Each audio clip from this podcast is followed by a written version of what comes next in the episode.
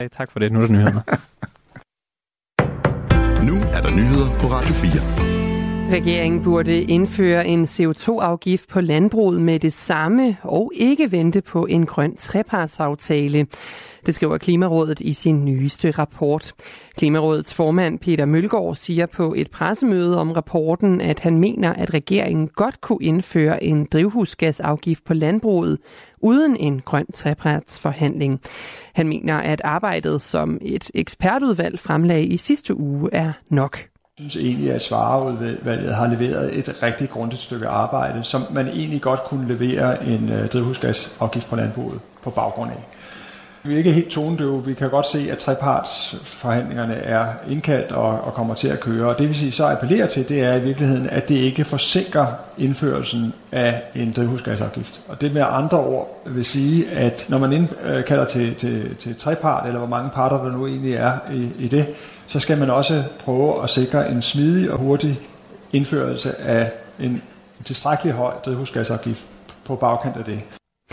Det er blandt andet Landbrug og Fødevare, Fødevareforbundet NNF og Danmarks Naturfredningsforening, der er en del af den grønne trepart sammen med ministre fra regeringen.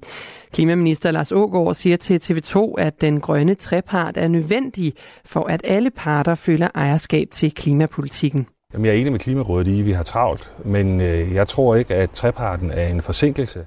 Klimarådet siger, at det er sandsynligt, at vi når vores laveste klimamål på 50% reduktion af drivhusgasser i 2025.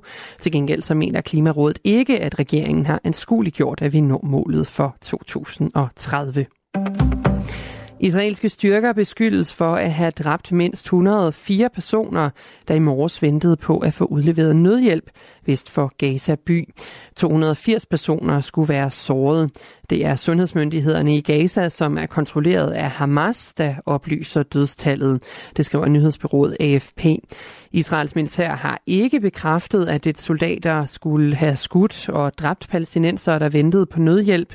En talsperson for Israels regering siger til gengæld, at adskillige palæstinenser blev dræbt, da lastbiler med nødhjælp pløjede igennem menneskemængden, som var mødt op for at få udleveret nødhjælp. Ifølge talspersonen var det civile palæstinenser, der sad bag rattet i lastbilerne. Hun kalder sagen for en tragedie. Hamas advarer om, at en massakre kan afspore forhandlingerne om våbenhvile og frigivelse af gisler. Det skal være standardindstillingen, at chatbots er slået fra i apps og på hjemmesider, så lyder en af de 13 anbefalinger, som regeringen netop har modtaget fra en ekspertgruppe på tech-området. Anbefalingerne har særligt fokus på børn og unge. Som det er nu, så findes der en indbygget chatbot i eksempelvis det sociale medie Snapchat. Man kan stille chatbotten spørgsmål, som den så svarer på. Digitaliseringsminister Marie Bjerre tager godt imod anbefalingerne, men siger, at de skal vedtages i EU, hvis de skal have en effekt der vil vi jo presse på for, at vi får den regulering øh, på EU-niveau. Øh, altså Danmark er jo, er jo ligesom en del af EU, øh, så derfor ligger der en opgave hos os, der ligger en opgave hos mig som digitaliseringsminister, i at tale med mine kollegaer øh, i EU, de andre digitaliseringsminister, og presse igennem for, at vi får den rette regulering på det her område. Der er fare for en regulær atomkrig, hvis NATO-landene sender landstyrker til Ukraine. Sådan lyder advarslen fra Ruslands præsident Vladimir Putin i en tale til den russiske nation i dag. Vi har våben, som kan ramme mål på deres territorium. Forstår de ikke, at der er fare for en atomkonflikt, spørger Putin. I mandags der sagde Frankrigs præsident Emmanuel Macron, at han ikke vil afvise muligheden for at sende vestlige styrker til Ukraine. Mange danskere har været flittige med metaldetektorerne, og derfor så sætter udbetalingerne for findeløn af Danefæk rekord for tredje gang på få år.